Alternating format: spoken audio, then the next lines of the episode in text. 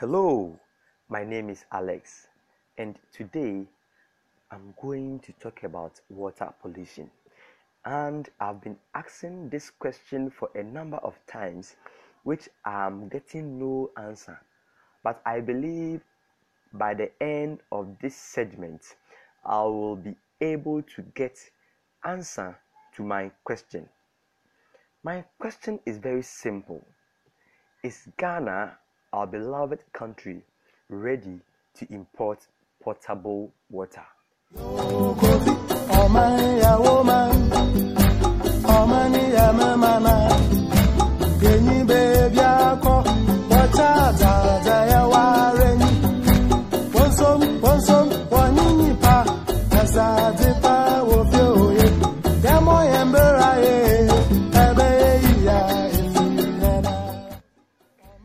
Water in the ecosystem remains an essential commodity.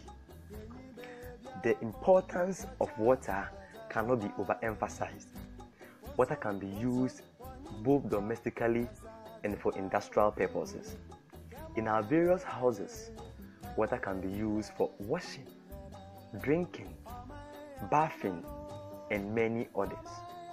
Industries also use water for their various actions. Ghana, a country in West Africa, can boast of all kinds of water bodies in the country. Ghana is having sea at the coastal belt. Elsewhere, we have a lot of streams, lakes.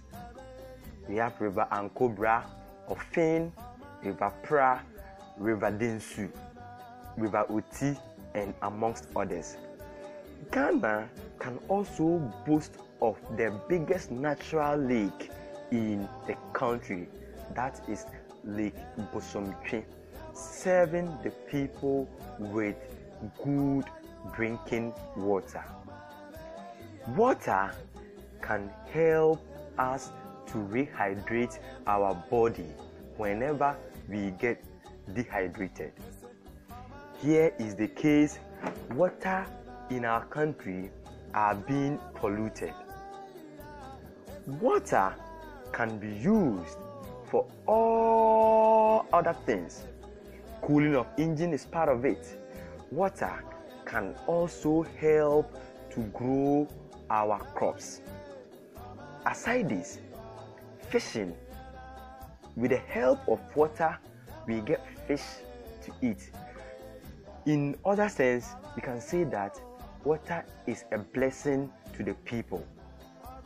But the irresponsible behavior, behavioral patterns of people is polluting our water bodies.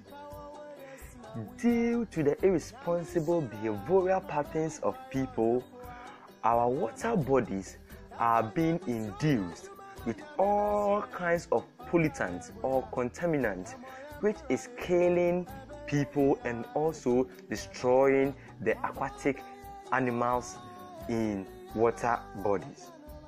Dumping of refuse in water bodies. Also, destroying our water bodies by inducing harmful chemicals like mercury, cyanide, DDT for fishing. All these irresponsible behavioral patterns is causing us more harm than good. Here in Ghana, the rampant activity of galamsey is killing us, all because we are inducing harmful chemicals into our water bodies, which is intending to give us diseases by consuming such contaminated water my fellows, Atewa Forest has the is the hotspot of water, clean water, because of galamsey or irresponsible behavioral patterns of people. All these water bodies is being destroyed. Since the country or the government is not ready to import water, we should try as much as possible to conserve our water bodies. Conserving our water bodies will help us to reconserve or rejuvenate the immune system by drinking good water in order to get good health.